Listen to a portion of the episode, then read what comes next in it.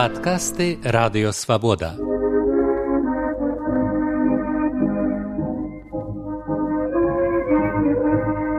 Падарожжа ў БНР з Сергеем Шупам.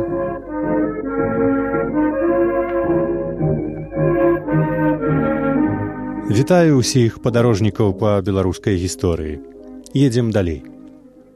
Як нагул Менск зрабіўся сталіцай БНР. Бо ж у кантэксце новага беларускага адраджэння пачатку два стагоддзя Менск у нацыянальна-беларускім сэнсе быў глухой правінцыяй ні беларускіх газетаў, ні культурнай эліты, ні палітычных тусовак, бо ўсё гэта жыло ў вільні. Сталіцыю Менск зрабілі немцы. Ну, вядома ж, яны пра гэта і не здагадваліся, але ўсё вызначала лінія, на якой у верасні 1915 году спыніўся нямецкі наступ. Гэтая лінія адрэзала вільню ад этнаграфічнай беларусі і таму ў наступныя два гады беларуская палітычная ферментацыя перамясцілася ў Менск. Калі б немцы спыніліся на тыя пару гадоў ад 15 до 18 на захад ад вільні, незалежнасць беларусі хутчэй за ўсё была б абвешчаная там, а незалежнасць літвы ў коўня. Яшчэ ў 1917 ва ўсіх беларускіх рэзалюцыях, адозвах, мемарандумах, у шырокім грамадскім дыскурсе вільня лічылася сваёй. Тагачасная беларуская грамадскасць не магла сабе ўявіць што гэты горад можа зрабіцца з замежжам. З вільняй звязваліся самыя розныя палітычныя грамадскія культурныя пляны на паваенныя часы.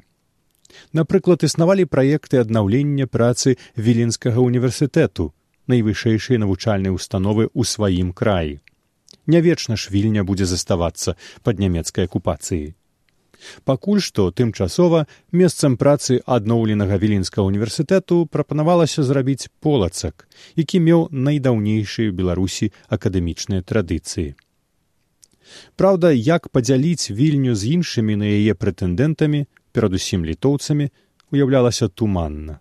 Ідэі на гэты конт выказваліся вельмі асцярожныя, яшчэ жылі спадзяванні на магчымасць стварэння нейкага новага ВКЛ з супольнай сталіцай і, што немалаважна з выхадам да мора. Незалежнасць літвы была абвешчаная ў вільні 16 лютага 18 году, а беларусі ў менску 25 сакавіка. Якія думкі хадзілі ў галовах беларускай палітычнай эліты ў вільні за гэтыя месяц з нечым. Абраная ў канцы студзеня віленская беларуская рада выклала гэтыя думкі ў лісце райхсканцлеру нямметчыны.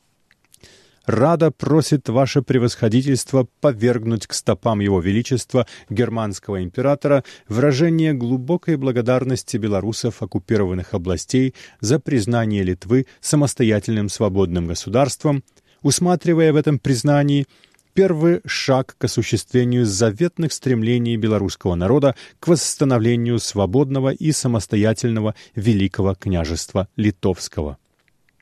Да гэтай мэты піша Антон Луцкевич з паплечнікамі, скіраваныя ўсе думкі і імкненні беларускага народу па гэты і па той бок штучна створаныя мяжы.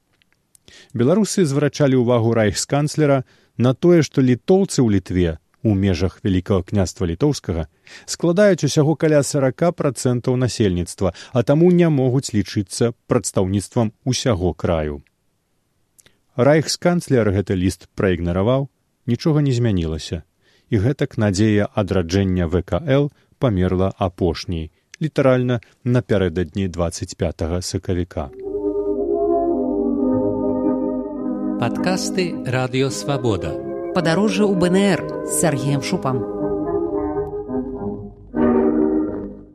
На ўзбраенні БНР сярод усяго іншага была і доўгаклінковая колюча сякучая халодная зброя, пазначаная ў архіўных дакументах як шашка менскага казначэйства.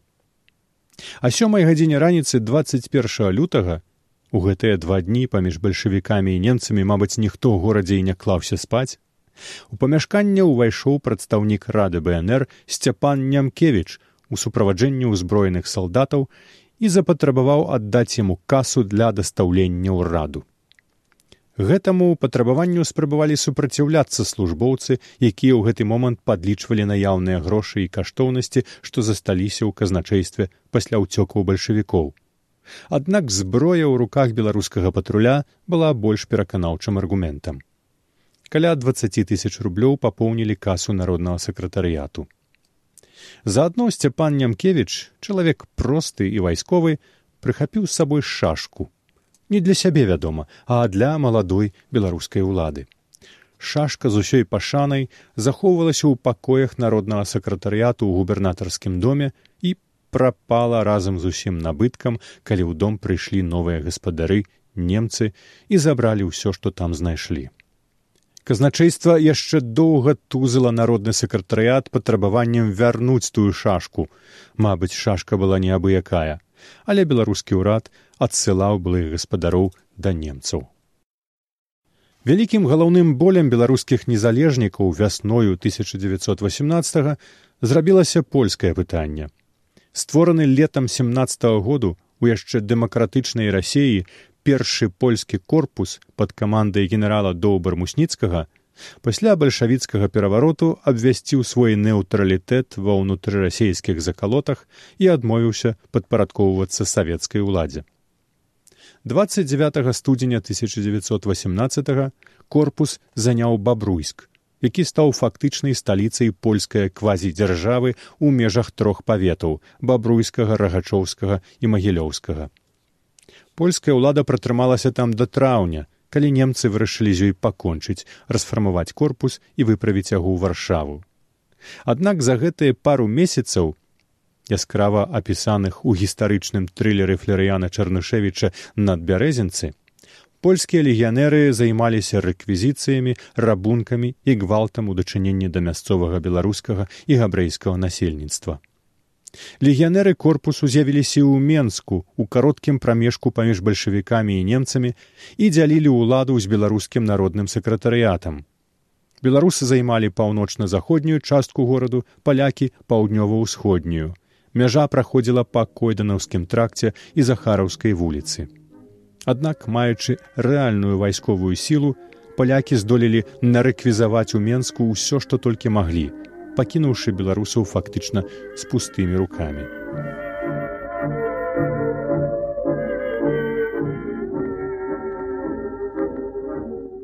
Вы слухалі падкаст радыёвабода. Наступны выпуск праз тыдзень. Усе падкасты свабоды ў інтэрнэце на адрасе свабода кропка орг.